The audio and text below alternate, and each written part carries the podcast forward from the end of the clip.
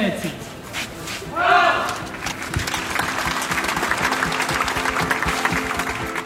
Hej och välkommen till Båsta och ett specialavsnitt av Kvartalet. Vi har blivit inbjudna till kapitalmarknadsdagarna och nu följer ett rundabordssamtal med vdarna i Paulsonsfären. I panelen har vi Ulrika Hallengren, Jörgen Eriksson, PG Persson, Knut Rost, Per Johansson och Stefan Dahlbo. Jag som leder samtalet heter Sverre Thor.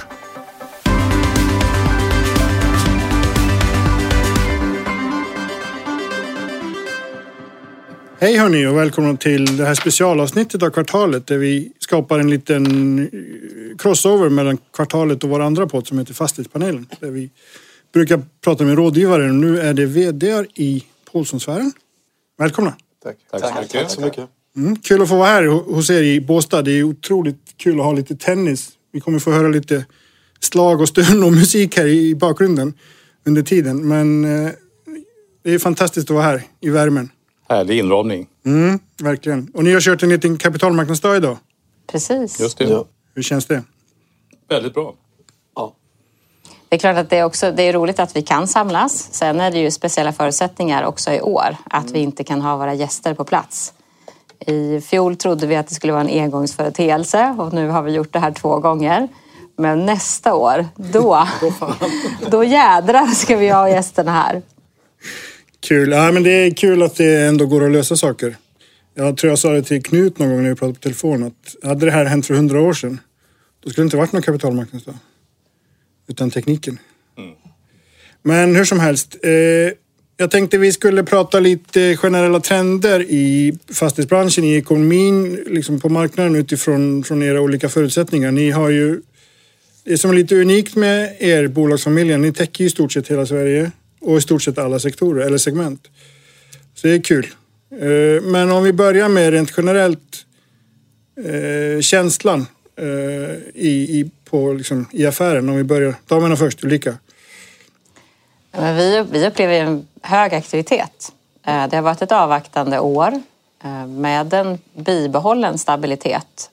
Men nu känner vi verkligen att nu har tempot gått upp och vi har förberett oss väl för den tiden när den skulle komma. Så att nu har vi ja, men från mars och framåt eh, hunnit göra väldigt mycket affärer och det känns som att den takten fortsätter.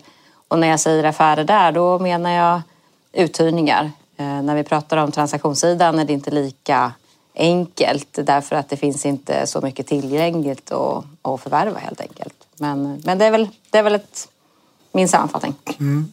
Och det som finns förvärvas av, av utländskt kapital just nu.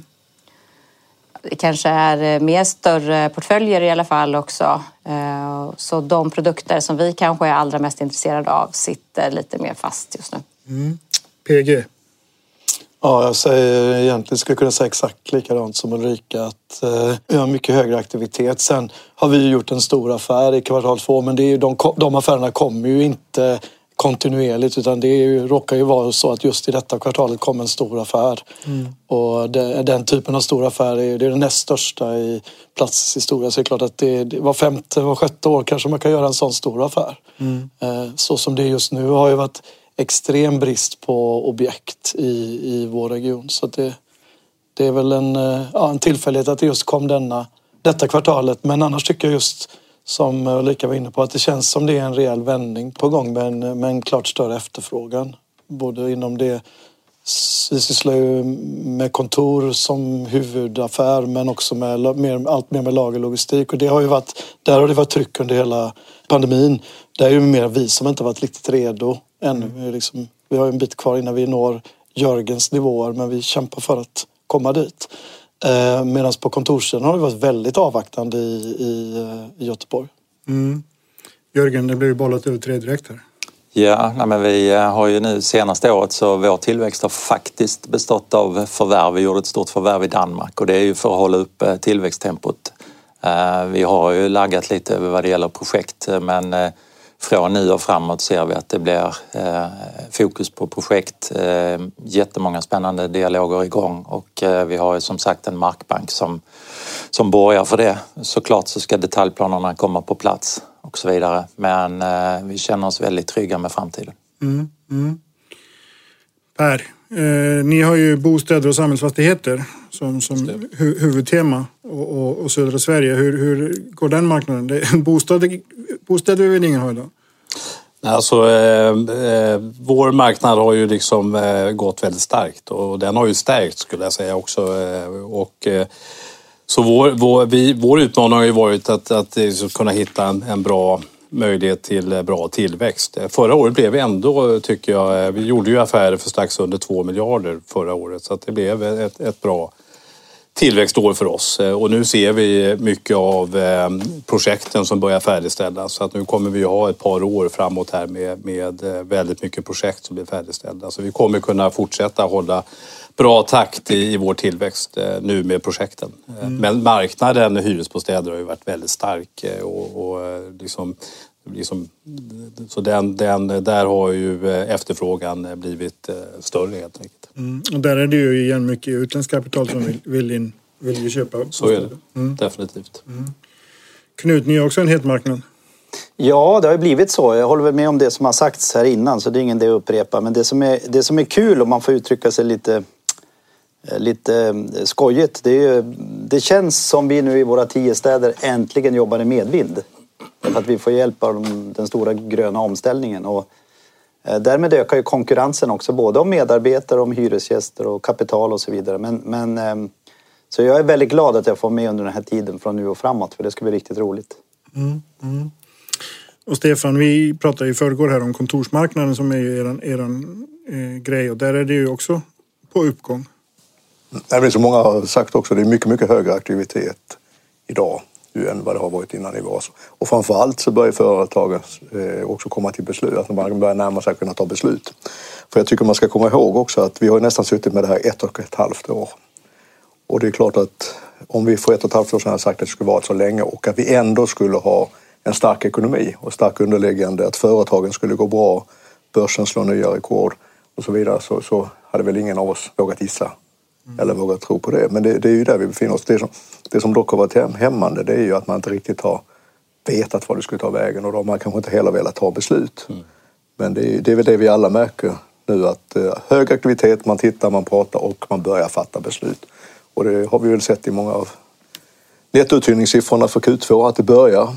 Ja, vi sa ju också att vi är optimistiska inför Q3 som annars brukar vara ett, ett lugnt kvartal för uthyrningen. Mm. Man pratar ju om tillväxtsiffror på uppåt 5 procent i, i Sverige nu och, och, de nivåerna har man inte haft på ja, sen typ slutet på andra världskriget när man byggde upp hela världen. Eh, känner ni liksom att är det här är det här någonting som man kommer se liksom lång tid framöver? Att, har det, det har ju, som jag tolkar det så har det aldrig varit lika mycket att göra som det är idag i branschen. Kommer det här att hålla i sig? Ordet fritt. Ja, det, är nog, det är nog egentligen ingen som vet. Alltså vi, vi fattar ju alla våra beslut på det vi har sett historiskt. Och när vi då eh, exempelvis har köpt ett stort bestånd, vi har pratat om det här, så har det ju, så har det ofta blivit bättre än det man trodde från början. Ja, varför blir det så? Jo, det är därför att historien upp, upprepar sig inte. Utan det händer någonting annat som, som påverkar vår bransch. Och det, ibland är det positivt, ibland är det negativt, men oftast är det väldigt positivt. Så att, eh, och tittar man på på kriser vi har haft, vi hade krisen på, på 90-talet, så gick ju fastighetsvärdena ner men återhämtade sig ganska fort. Mm. Tittar vi på finanskrisen, tittar vi på IT-kraschen så, så ja, då gick ju fastighets, fastighetspriserna gick ner något men återhämtade sig direkt. I pandemin här, eh, som vi ändå fortfarande har respekt för, för den pågår ju fortfarande, så har, ju, så har vi ju inte tappat så mycket. Jag tycker det är rätt så häftigt att tänka så. Vi, går, vi kommer ganska starka, handlingskraftiga ur den här krisen. Eh, så att eh, nej, det ser bara positivt ut. Mm. Men det bygger också på att vi har haft väldigt låg, att det är så låga räntor. Och vi har egentligen sedan fastighetskrisen 90, då vi, innan den hade vi ju dessutom flytande valuta. Och sen har vi haft fallande räntor. Men nu är vi nere på sådana absoluta nivåer såklart. Mm. Men det gör ju också att det, finns, det är väldigt svårt att hitta avkastning för pensionspengar och liknande. Och då, då är fastighet ett jättebra alternativ och det kommer säkert att fortsätta vara men, men det, kommer, det kommer ju se lite annorlunda ut ändå. Mm. Och då kan man ju konstatera det att man, det ser vi ju överallt. Tillgång till kapital det finns och vi ser inte heller någon slags slut på det. Någon någon direkt, men om det här händer så kommer kapitalet försvinna. Utan det känns ju som att det är ett ganska tryggt tillgångslag eh, just nu. Och det som då kommer vara den hämmande faktorn för hur vi kan fortsätta växa i våra affärer, det tror jag mer handlar om befolkningstillväxt, mm. demografi. Vilka människor är det som finns på vilka platser och hur utvecklas de? Därför att när du är inriktad mot, mot kommersiella lokaler så är det ju viktigt att bolagen kan få sin tillväxt och då handlar det om kompetens. Kan man få tag på rätt kompetens? Eh, där är vi förstås hjälpta av den utveckling som har skett nu med att folk kan också jobba digitalt naturligtvis. Kanske kan du attrahera viss typ av spetskompetens som sitter på en annan plats men ändå får en tillväxt i ditt bolag. Bra grej. Men de demografiska förutsättningarna eh, kommer vara med och spela roll i hur tillväxten totalt sett fortsätter. Mm. Per? Ja, och det tror jag är en faktor som också kommer liksom att driva marknaden för det finns så kolossalt stora behov eh, av eh, många samhällsfunktioner som, som släpar nu, alltså som, eh, som har ju med demografi att göra och den utveckling vi ser framåt eh, med eh, eh fler särskilda boenden, LSS-boende, äldreboende, Eh, och, eh, och, det finns ju till exempel ingen kommun i, södra Sverige som uppfyller liksom sitt krav när det gäller LSS-enheter till exempel. Och någonstans så måste man liksom komma ikapp där. Så att jag tror att det blir en fråga som kommer att driva en del av marknaden väldigt kraftigt de närmaste eh, fem åren. Mm. Egentligen två saker. Om jag tolkar det rätt så finns det ju ett behov av befolkningstillväxt redan. Alltså kan, om det inte skulle infrias, hur, hur påverkar det affären rent generellt? Kan man, eh, finns det en risk att man, fastighetsbranschen går lite för fort framåt i, i förhoppning om befolkningstillväxt? Nej, men jag har ju till exempel sett vad som har hänt i Köpenhamn där man inte har kunnat växa på det sätt som det egentligen finns en potential för därför att man inte har tillgång till tillräckligt mycket människor som ska jobba i de här företagen. Och där är det glädjande att se liksom att just den här interaktionen mellan Sverige och Danmark som kan ske i det att det finns en handelsvara som det finns behov av. Det finns unga, eh, tämligen välutbildade människor på den svenska sidan eh, med lite högre arbetslöshet eh, och det finns intressanta jobb i eh, Köpenhamn bra grej. Den, det kan bygga, fortsätta bygga den regionen under förutsättning att man följer med med de politiska besluten så att man fortsätter att underlätta integrationen i, i det området. Men däremot är det förstås intressant att se vad som händer i norr när vi nu ser så många spännande jobb som, som är på tillväxt där eh, och man söker människor. Och där kanske vi också är inne i en spännande spiral nu när folk kan tänka sig att flytta till fantastiska Norrland och få en väldigt fin mm. livskvalitet och ett spännande jobb. Mm. Jo, nej, men så är det. Om jag ska ta vid det så är det väl... Eh, alltså, ett fastighetsbolag ska väl egentligen inte vara på en marknad där man inte har befolkningstillväxt. Det är inte så bra därför att det, det är ju, det är det som driver mycket av den tillväxten som vi kan, som vi kan nyttja så att säga i våra investeringar. Eh, sen när jag sa att jag jobbade i medvind så måste man ändå ha klart för sig att, att det är ju inte säkert att alla 25 000 flyttar till Skellefteå, Luleå och Umeå. Det kan ju vara så att man veckopendlar. Det kan vara så till och med att det kommer folk från andra länder som, som kommer in. Så här, här finns det utrymme att bygga både, både hotell, små lägenheter, long stay till exempel, som, som är det nya moderna. Eh, och det gör vi också. I, vi, vi tittar på det i Skellefteå, Luleå och Umeå. Så det, det tror jag kan komma. Men Eh, grunden till när jag tog över efter Ulrika frågan här det är att befolkningstillväxt det, det, är en av de viktigaste faktorerna som vi pratar väldigt lite om. Mm. Eh, och den är viktig för oss. Mm. Hur mycket eh, demografiska analyser gör ni på de olika bolagen? Om jag går bordet runt Jörgen, tittar ni på det? Nej, vi har väl lite annorlunda affärsupplägg där och, och vi, vi ju, följer ju e-handelstrenden och den utvecklingen eh, noga och ser ju att på sikt så, så, kommer den ju bara öka och öka. Sen klart att det kan inte ha den här takten som det har haft under pandemin för det har ju varit helt galet. Mm. Men vi, så vi är ju trygga med, med den delen av det och tittar inte så mycket på demografin utan rätt logistiskt läge och att det gärna är då kopplat till, till e-handelstrenden. Mm, men de följer väl ändå var folket flyttar? Mm.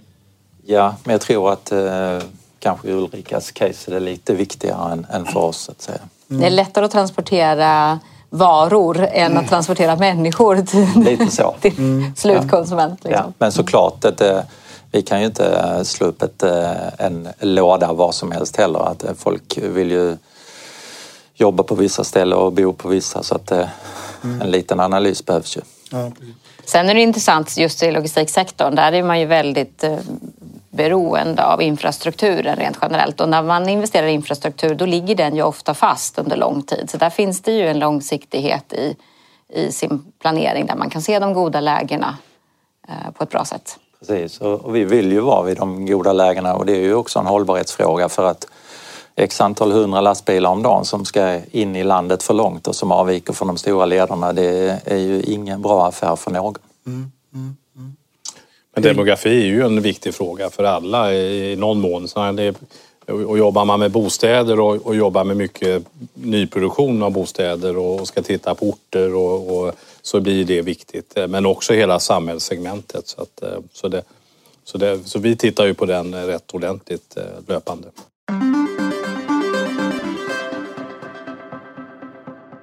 PG, jag tänkte... eh, I Göteborg pratar man ju om, om en miljon människor eh, i, Ja. i, i själva Göteborgs kommun inom, inom kort. Eller inom kort, inom, inom det här eh, seklet. Hur, hur tänker man där kring det demografiska? Ja, vi följer ju de kommunerna som bygger upp till den här miljonen som nu eh, Stor, Stor Göteborg har gått över för första gången. Det har pratats mycket om det men eh, det är faktiskt nu fakta att nu har, nu har befolkningen gått över eh, den miljonen. Men vi följer ju lika mycket arbetslösheten och så. Vi har ju en ganska tung exportindustri som vi är väldigt beroende av i hela näringslivet i, eh, i Göteborg. Så jag skulle vilja säga att eh, ja, befolkningstillväxt är viktigt men det är också otroligt viktigt hur det går för de tunga, stora industriföretagen, exportföretagen i Göteborg skulle jag säga kanske har ännu viktigare roll i, i den framgång som vi kan ha än, än vad just befolkningstillväxten har. Den kanske är mer, befolkningstillväxten kanske är mer på sikt, alltså du kan vara på en eh, geografisk marknad under en längre tid för du vet att du har en befolkningstillväxt. Men om det skulle riktigt dåligt för något av Volvobolagen så skulle det momentant bli sämre eh, nästa år för oss. Så det är klart att eh, det påverkar kanske mer i det korta perspektivet än, än det. Och om man tänker den frågan du, du sa innan, kan BNP växa 5% per år nu över tid? Det är ju en väldigt svår fråga att svara på men eh, det är klart att med det som händer nu med elektrifierings alla elektrifieringsinitiativ med alla hållbara satsningar och så. Så ja, men vi, jag tror vi kan vara inne i en period i Sverige där vi kan få en ganska rejäl tillväxtskjuts av alla de här initiativen om de blir framgångsrika. Mm. Jag kommer att tänka på Detroit när du nämner Volvo. Ap- Apropå städer som har ju avbefolkats, nästan halverats befolkningen på, på inte jättelång tid faktiskt. Så det kan gå Men det handlar väl lite också om att man inte hängde med i, i utvecklingen. Och sen Där man kan ju möta eh, utveckling på olika sätt. Eh, och där kanske det finns eh, andra möjligheter i Göteborg, tänker jag. Andra förutsättningar. Man är liksom bättre rustade på att ta hand och leda utvecklingen inom vissa frågor varpå staden påverkas på ett positivt sätt. så USA har ju en större tradition av mo- mobilitet också. Ja, ja. Så att, eh, Det är en annan stad i USA som, som har ju faktiskt eh, gjorde ju nästan samma resa som Detroit men, men lyckades vända. Det är ju Pittsburgh. Stål och, och, och industri och, oljeindustri. Någonstans har jag läst någonting, fastighetsbranschen har ju varit liksom bidragit där till att, för man, man har ju varit duktiga och hittat nya hyresgäster i sina hus. Hur, hur viktig roll spelar branschen i, i liksom att, ja men till exempel Knut om man tittar på norra Sverige. Hur viktigt är det just för norra Sverige? Ja, eh, i, om vi tittar på de här tio städerna så är vi tyvärr alldeles för viktiga. Vi, vi tycker ju allihopa, det brukar vi prata om ibland, att vi faktiskt är samhällsbyggare. Det är så lätt att säga att vi jobbar med stadsutveckling när vi hyr ut en lokal till en enda hyresgäst. Då jobbar vi med stadsutveckling. Så lätt, så lätt är det inte. Det, utan det handlar om vad som händer mellan husen. Men det handlar också om i diskussioner med kommuner och även, även regioner. Vad är våra roll och vad är, vad, är, vad är deras roll? Alla våra investeringar vi gör är ju hållbart lönsamma. Det, det måste de vara, annars, annars så har vi svårt att göra investeringarna. Men det är viktigt att säga hållbart lö- lönsamma. Och det gör ju vi alltid vi använder de begreppen för att tala om att vi jobbar för samhället i stort. Så jag vill påstå efter mina 36 år i branschen att jag har aldrig jobbat så mycket som med samhällsbyggnad som jag gör idag. Och inser att det finns ett ansvar i det. Men fortfarande att vi, vi måste vara hållbart lönsamma. Mm, mm. Per, ni, ni jobbar, verkar ju på, på en marknad som är alltid, alltid het. Och, men ni har ju ändå verkar i kanske orter som för tio år sedan kanske inte sågs som jätte, sådär, jättestor potential. Eh, ännu, än, om man går ännu längre tillbaka, 25 år, då var det nästan så att många av dem var i avbefolkningsorter. Hur, hur ser läget ut? Alltså, vad är det som driver er affär? Ja, nej, men vi är ju verksamma på många orter som ligger nära de stora städerna alltså som Malmö, Lund och Helsingborg. Och, eh, och, och de flesta av de orterna har ju varit, eh, haft tillväxt under väldigt, väldigt lång tid och, eh, och är attraktiva orter för, för boende. Och, och det är ju vår affär, liksom. det är ju det vi tittar på. Vi etablerar oss på orter där vi bedömer att man över lång tid har en attraktivitet att vilja bo. Och då, det är ju liksom service, närheten till de stora städerna eh, och, eh, och även bra eh, kommunikationer. Eh, så att, eh, och där ser vi ju en trend också att fler eh, vill eh, vill då flytta till den här typen av orter. Så att vi har ju en ökad efterfrågan till de här orterna idag. Eh, Det kan vi se nu det senaste året. En rätt så tydlig trend. Så att det är ju jätteintressant. Det, det följer vi ju noga.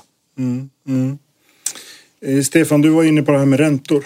Det är jätteintressant. Man kan ju ändå på något sätt eh, argumentera för att ränteutvecklingen har ju drivit fastighetsbranschen rätt, rätt hårt de senaste åren.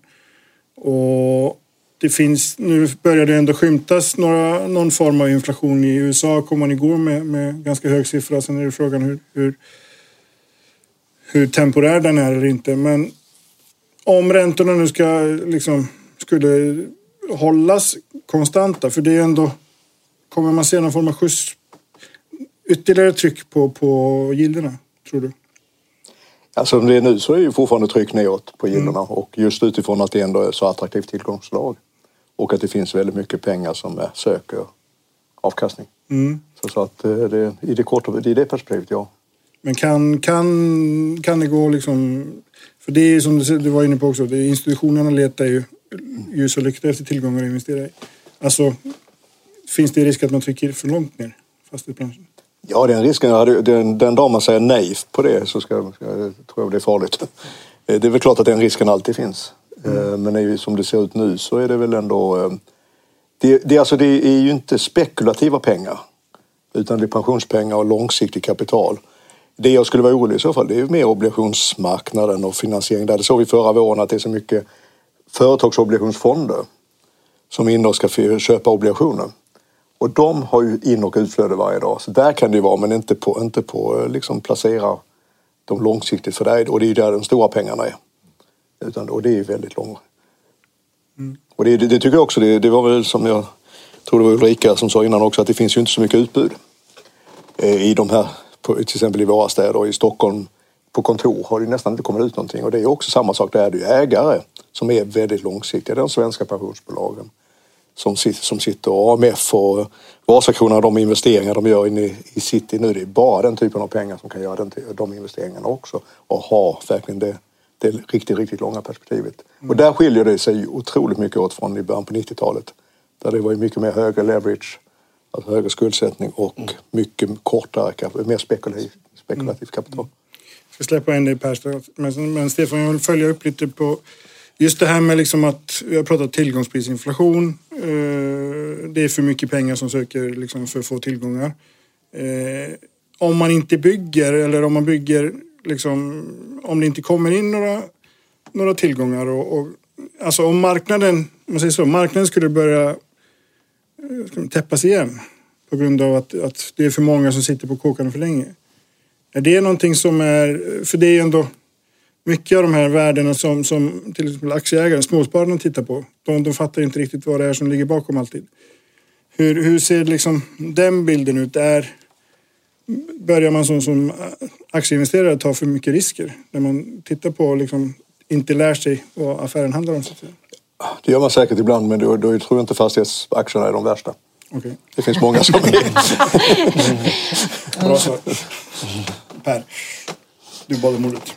Just det. Nej, jag, jag, jag tror att i, idag så kan vi ju liksom känna att, att bara det är bostäder så, så är det väldigt attraktivt. Va? Och jag tror att den här ortsanalysen är jätteviktig och, och idag säljs det väldigt mycket bostäder i, i eh, orter som, som är i grunden rätt svaga orter och det är inte säkert att eh, det om fem tio år är en bra marknad där. Att, det vill säga att, eh, att man kommer att fylla de här, de här bostäderna. Och det, det finns ju faktiskt orter som för 10 år sedan rev hyresbostäder. Det, det fanns för mycket hyresbostäder helt enkelt som Klippan för, som, som ett exempel. Så jag tror att ortsanalysen, det vill säga att kunna titta på vad är attraktivt att bo om, om tio år.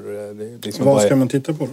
Ja, men jag tror man ska titta på, alltså närheten måste ju, den, den är viktig till, till de stora befolkningscentrarna och där mycket av arbetsmarknaden är. Eh, och sen är det kommunikationer, det är liksom helt avgörande. Det ska vara korta avstånd, det ska vara bra kommunikationer. Och har du sedan då bra skolor och liksom bra service eh, och du är i Malmö på kanske en, kvart eller en halvtimme eh, men kan få andra eh, värden då att bo på det sättet jämfört med, Malmö. Då. Så. Mm. Så, att, så, så, analysen där är jätteviktig. Alla orter är inte bra att investera i när det gäller bostäder. Mm. Knut och Stefan? Nej, jag, tänk, jag, tänkte egentligen bara på, vi pratar mycket transaktion och, och, och, den marknaden och alla vi sex bolag har ju, har ju flera kanaler till tillväxt. Eh, den, den vi pratar minst om det är egentligen liksom bread and butter, alltså uthyrning, förvaltning som vi gör hela tiden. Där har du en tillväxtmöjlighet som alltid kommer att finnas. Och just nu uppvisar väl alla positiva nettouthyrningar också så det ser ju ganska starkt ut för oss alla i branschen. Tror jag. Ehm, det andra benet är ju stora projekt, eller projekt överhuvudtaget.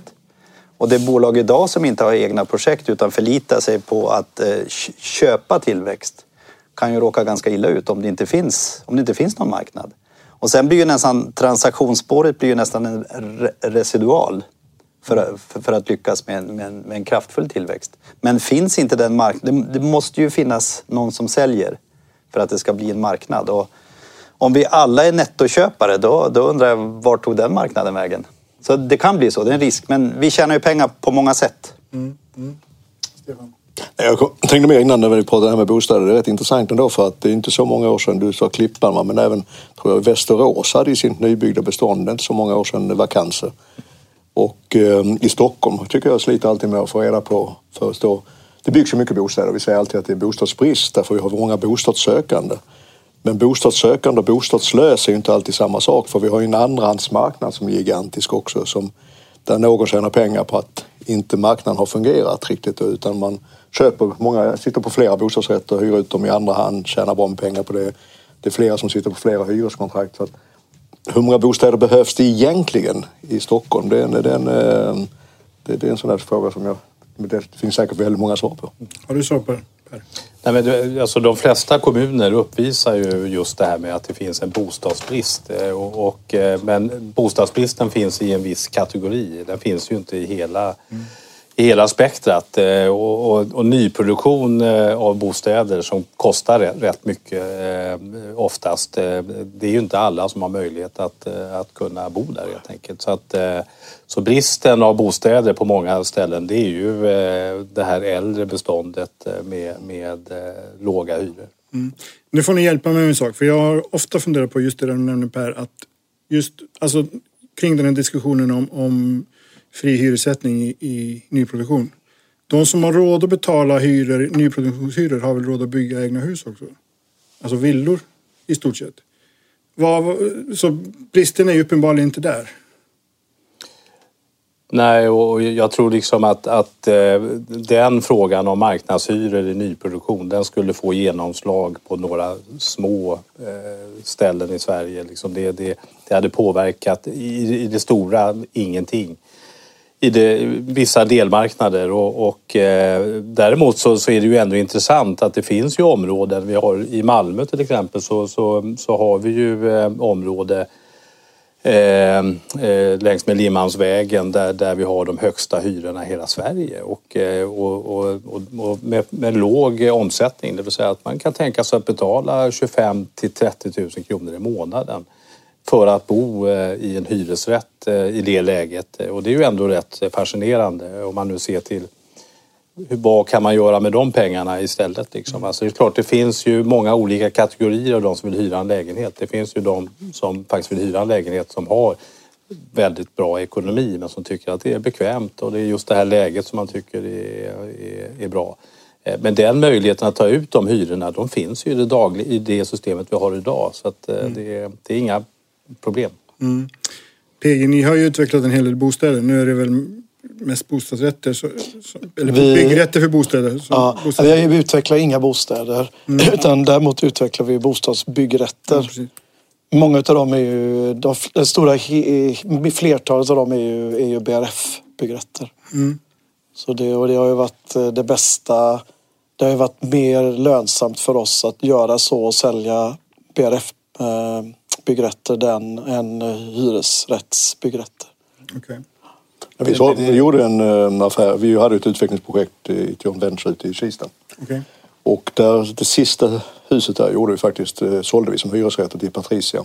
Mm. Det blev, det blev lika bra mm. affär som har fortsatt. Eh, de första husen blev bostadsrätter och sen det sista sålde vi. Så. Ja. För det blev det gick snabbare, enk, snabbare och enklare. Mm. Men det är Stockholm. Ja, och sen och beror det ju lite på var mm. du tar fram dina... Mm. Som till exempel i Gamlestaden, där är det brist på bostadsrätter. Mm. Så där är det ganska givet nu när vi sålde till JM som då ska utveckla eh, bostadsrätter där, att där vill ju alla ha bo, bostadsrätter. Så det är lite beroende också på var det kanske var så där ni sa. Ja, här, här var det, precis, det passade bättre. Här, här var det precis, alltså, det är ett område i Stockholm som där, det, där, där priserna låg ungefär på samma nivå. Ja, ja. Det är inte så många ställen eh, det, det gör det på. Så, så det. Men sker den här utvecklingen inom era befintliga fastigheter där man kan liksom addera på det här eller är det? Alltså vi har egentligen två typer av sätt. Det, vi har ett ett område där vi avvecklar, alltså där kontor och industri inte är lönsamt över tid utan där behöver vi göra om hela området. Ja, men då är det ju kanske utifrån ett lite defensivt att vi tror inte på den affären som vi har haft mm. historiskt. Men vi tror på att det finns mycket, mycket bättre affär i bostads, alltså ett bostadsläge. Mm. Så det är en typ av omvandling. Mm. Men sen gör vi också eh, eh aktiva bostadsbyggrätter i de områden där vi känner att det är för lite, det är för mycket kommersiellt.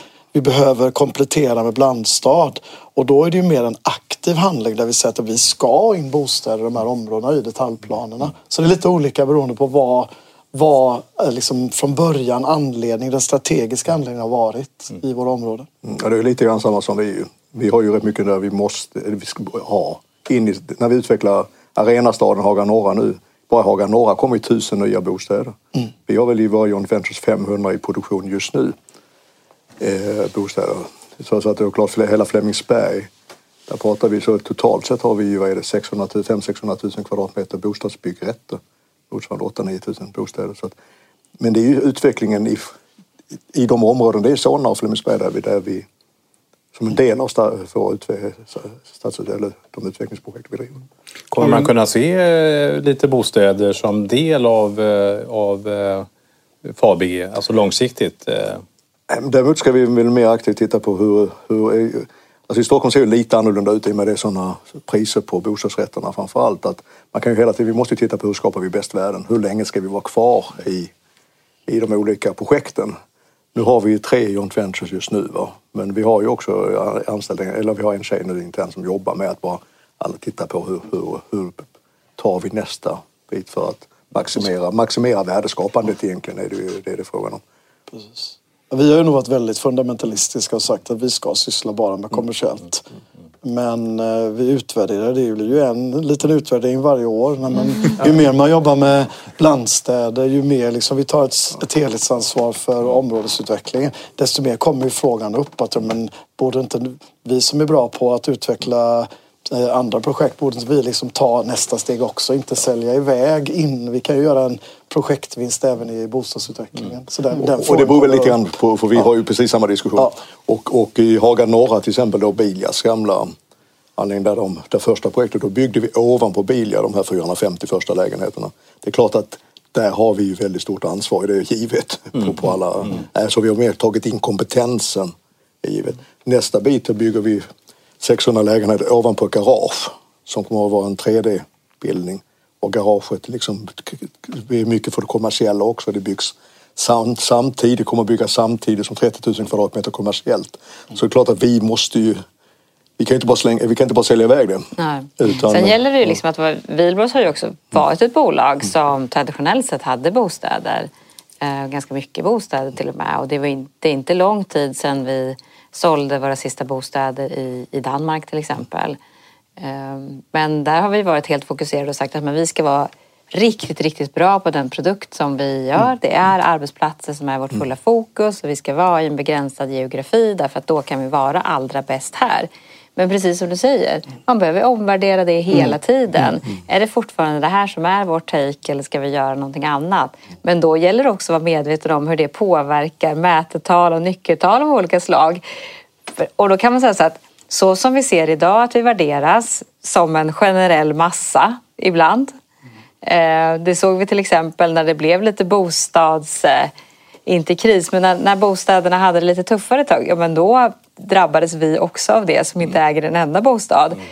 Ju, ju, kanske är det också så att ju komplexare produkt vi, vi erbjuder desto svårare är det att, att värdera oss så att säga. Så att mm. Det ska man också ha med i sitt beaktande. Mm. Vi har ju lagt in väldigt mycket servicetjänster i vår danska verksamhet vilket påverkar våra nyckeltal eh, överlag. Det är klart att vi har sämre intjäningsförmåga på det, det som är service och, mm. och, och, mat liksom mm. faktiskt. Mm. Eh, och det påverkar oss. Mm. Men, mm. men det, det, blir svårare att värdera också helt enkelt ju mer komplexa vi blir. Det ska vi också vara medvetna om. Mm. Å andra sidan, så om man ska göra det enkelt, så kan man säga långsiktigt kommer väl kanske många av oss att ändå värderas kring tillväxten i substansen, mm. NRVn.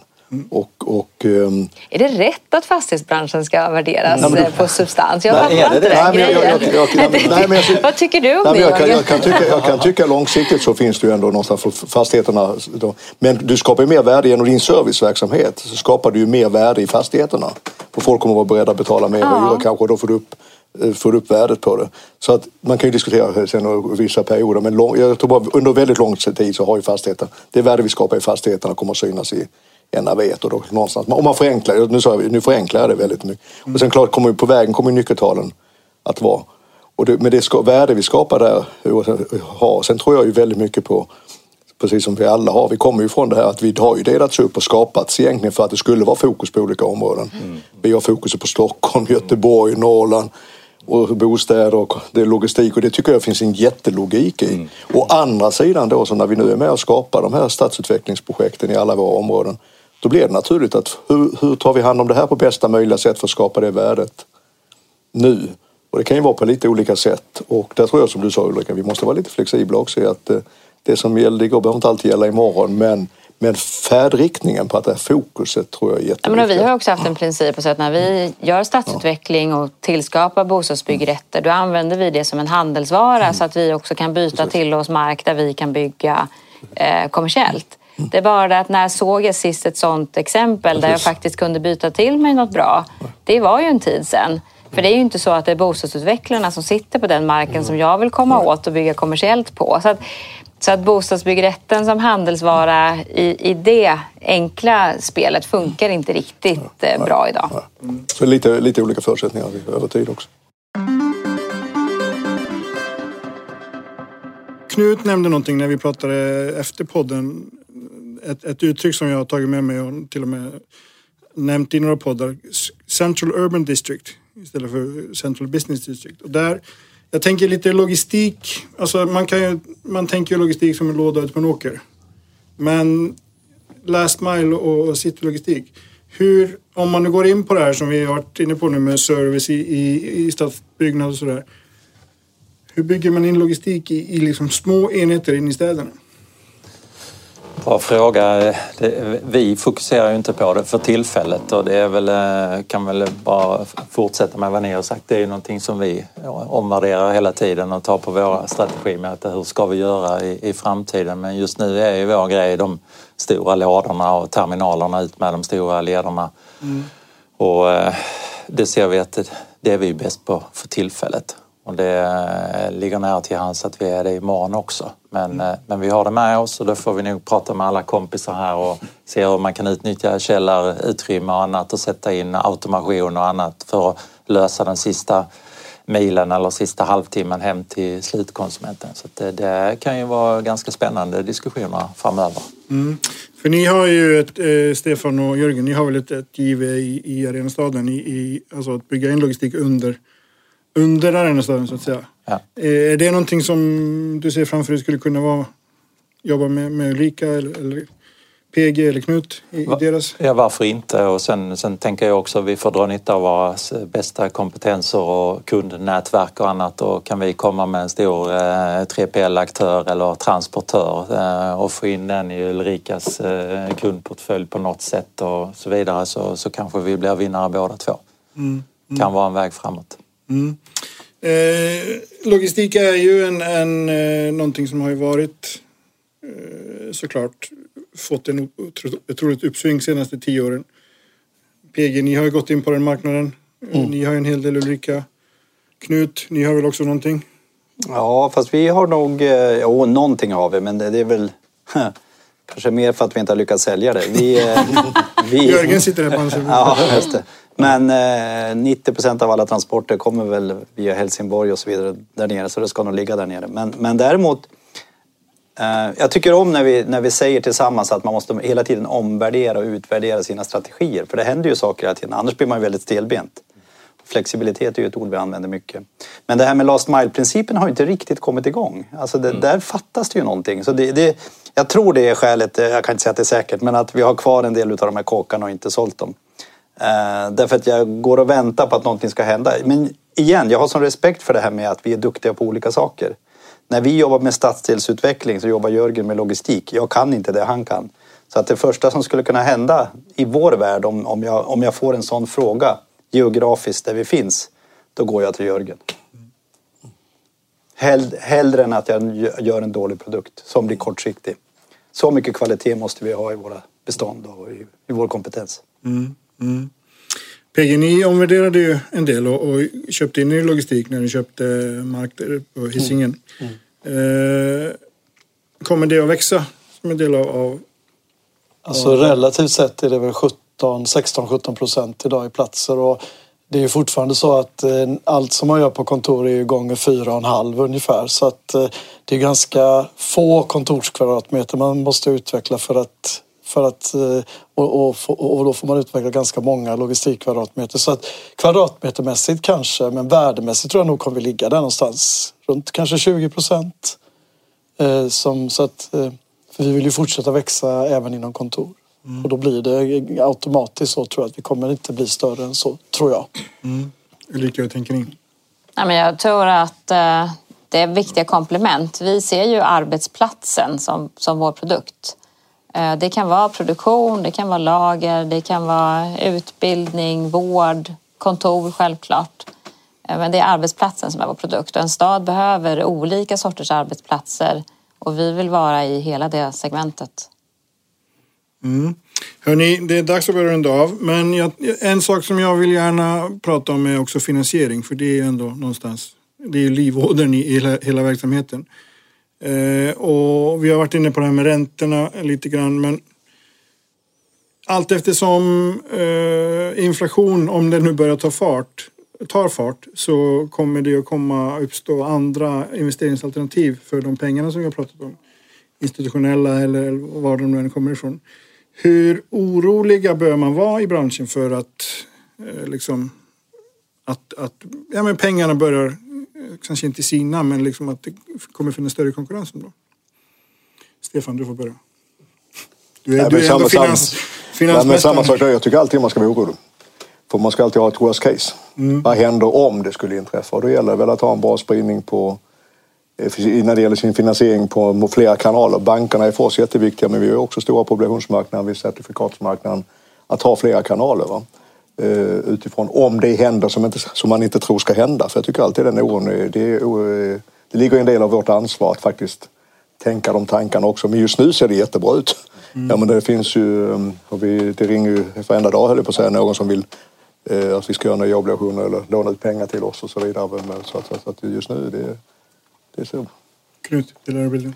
Ja, just nu ser det ju, precis som eh, Stefan säger, det ser ju väldigt, väldigt bra ut. Eh, det är liksom en perfekt storm på något vis. Det är låga räntor och Eh, nu är inte jag finansguru som Stefan, men, men, men jag tror det kommer att komma sådana här inflationsstötar. Och det kommer att skrivas mycket om det i media, men den kommer vara låg. Den kommer vara väldigt låg. Vi tror ju att rä- räntorna kommer att vara låga. Vi lever ju naturligtvis väldigt nära, så vi ligger, ligger ju ganska kort. Nu ska vi förlänga vår kapitalbindning har vi, har vi bestämt oss för. Men, men ehm, med, med, en, med en räntetäckningsgrad på 6,7 och, och ett väldigt högt kassaflöde liksom kopplat till skuld så, så hanterar vi risken. Men jag håller med Stefan om att eh, man ska fasen med se den och förstå att den kan komma och, och med det så får man bädda liksom. Jag tycker det är klokt. Per. Ja, jag eh, får säga att jag instämmer eh, i det som har sagts eh, och, och, och vi, har aktivt jobbat med att liksom bredda vår finansieringsbas. Och så, så vi, har ju, vi har ju bankfinansiering enkom, men vi har ju sju banker idag och, vi hade ju, så vi har ökat på med tre banker till och det, det är väl en del i liksom det långsiktiga. Men just nu är ju marknaden fantastisk. Ulrika. Ja, men helt enig i att spridningen är viktig för den här stabiliteten som vi ska uppvisa över tid. Vi har också det danska realkreditsystemet att eh, använda som en viktig, viktig bit som både ger oss ytterligare en, en finansieringsform men som också ger ett väldigt, eh, en väldigt lång eh, bindningstid. PG. Ja, jag, ser, jag ser två dimensioner redan. Den ena dimensionen är ju att naturligtvis är vi jätteglada i hela branschen för att det är så bra tider för eh, att eh, kunna verka i det vi gör och att det är sån enorma premier på allting vi gör. Men jag skulle säga rent relativt så tror jag att vi skulle klara oss mycket bättre om det var tuffare. Därför vi kan vår marknad mycket, mycket bättre än de som bara köper och handlar idag. Hej vilt. Så att jag tror att utifrån relativt sett, även om det skulle bli tuffare för oss alla, så skulle vi relativt få det mycket bättre i platsen. För vi kan vår marknad så bra. Om det blev tuffare. Jörgen. Bra, poäng, bra poäng där PG. Ja, jag håller med. Eh, jag går tillbaka till Stefan där och det är väl lite som en romanhjälte alltid skriver. En bok jag läser. eh, Befara det värsta, hoppas på det bästa. eh, Vad det gäller finansieringen. Catena har alltid förlitat sig på de svenska bankerna men nu i våras så tog vi ett beslut att gå ut på obligationsmarknaden. Förutom att vi har ju SFF ihop som är en fantastisk källa. Eh, Så vi tror ju jättemycket på att sprida riskerna. Vi eh, är ju också inne i det danska realkreditsystemet och kikar lite till på det för det tycker vi är fantastiskt. Så att, eh, det gäller att inte ha alla äggen i samma korg. Mm. Jag ställde en fråga till Ulrika här i, i, i måndags när vi gjorde podden om, om just belåningsgraderna. För de har ju sjunkit drastiskt i branschen på de här snart tio åren som, sedan jag började. Alltså då, eller, och om man jämför med innan, för, innan finanskrisen när, när de låg på, på mellan 70 och 80. Eh, nu är de ju i, i regel under 50. Kommer vi se någonsin, jag nämnde 50-55 till dig Ulrika. Och 55 lät ju, var du inte jätteglad i, men alltså kommer vi se höga belåningsgrader igen? Alltså hö, relativt.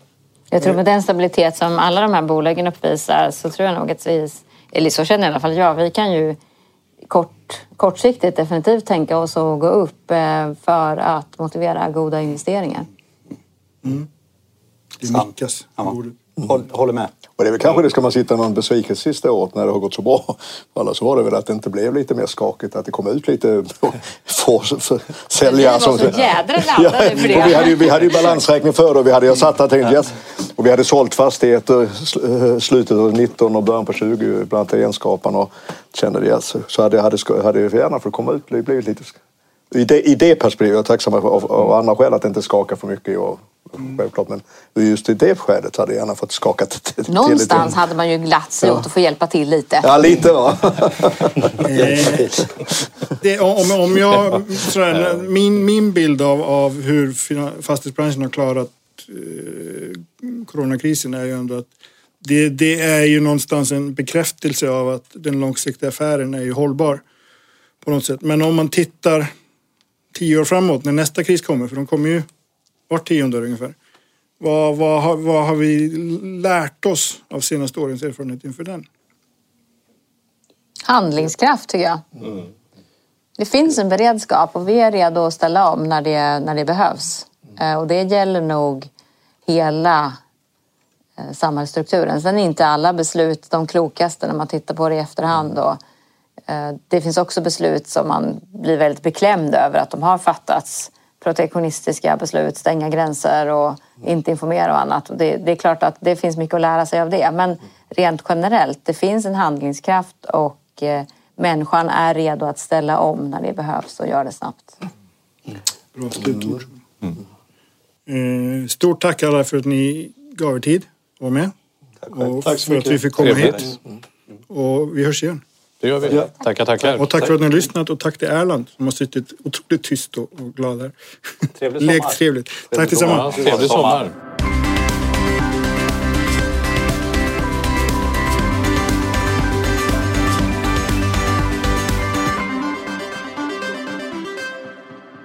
Det här programmet görs på Beppo.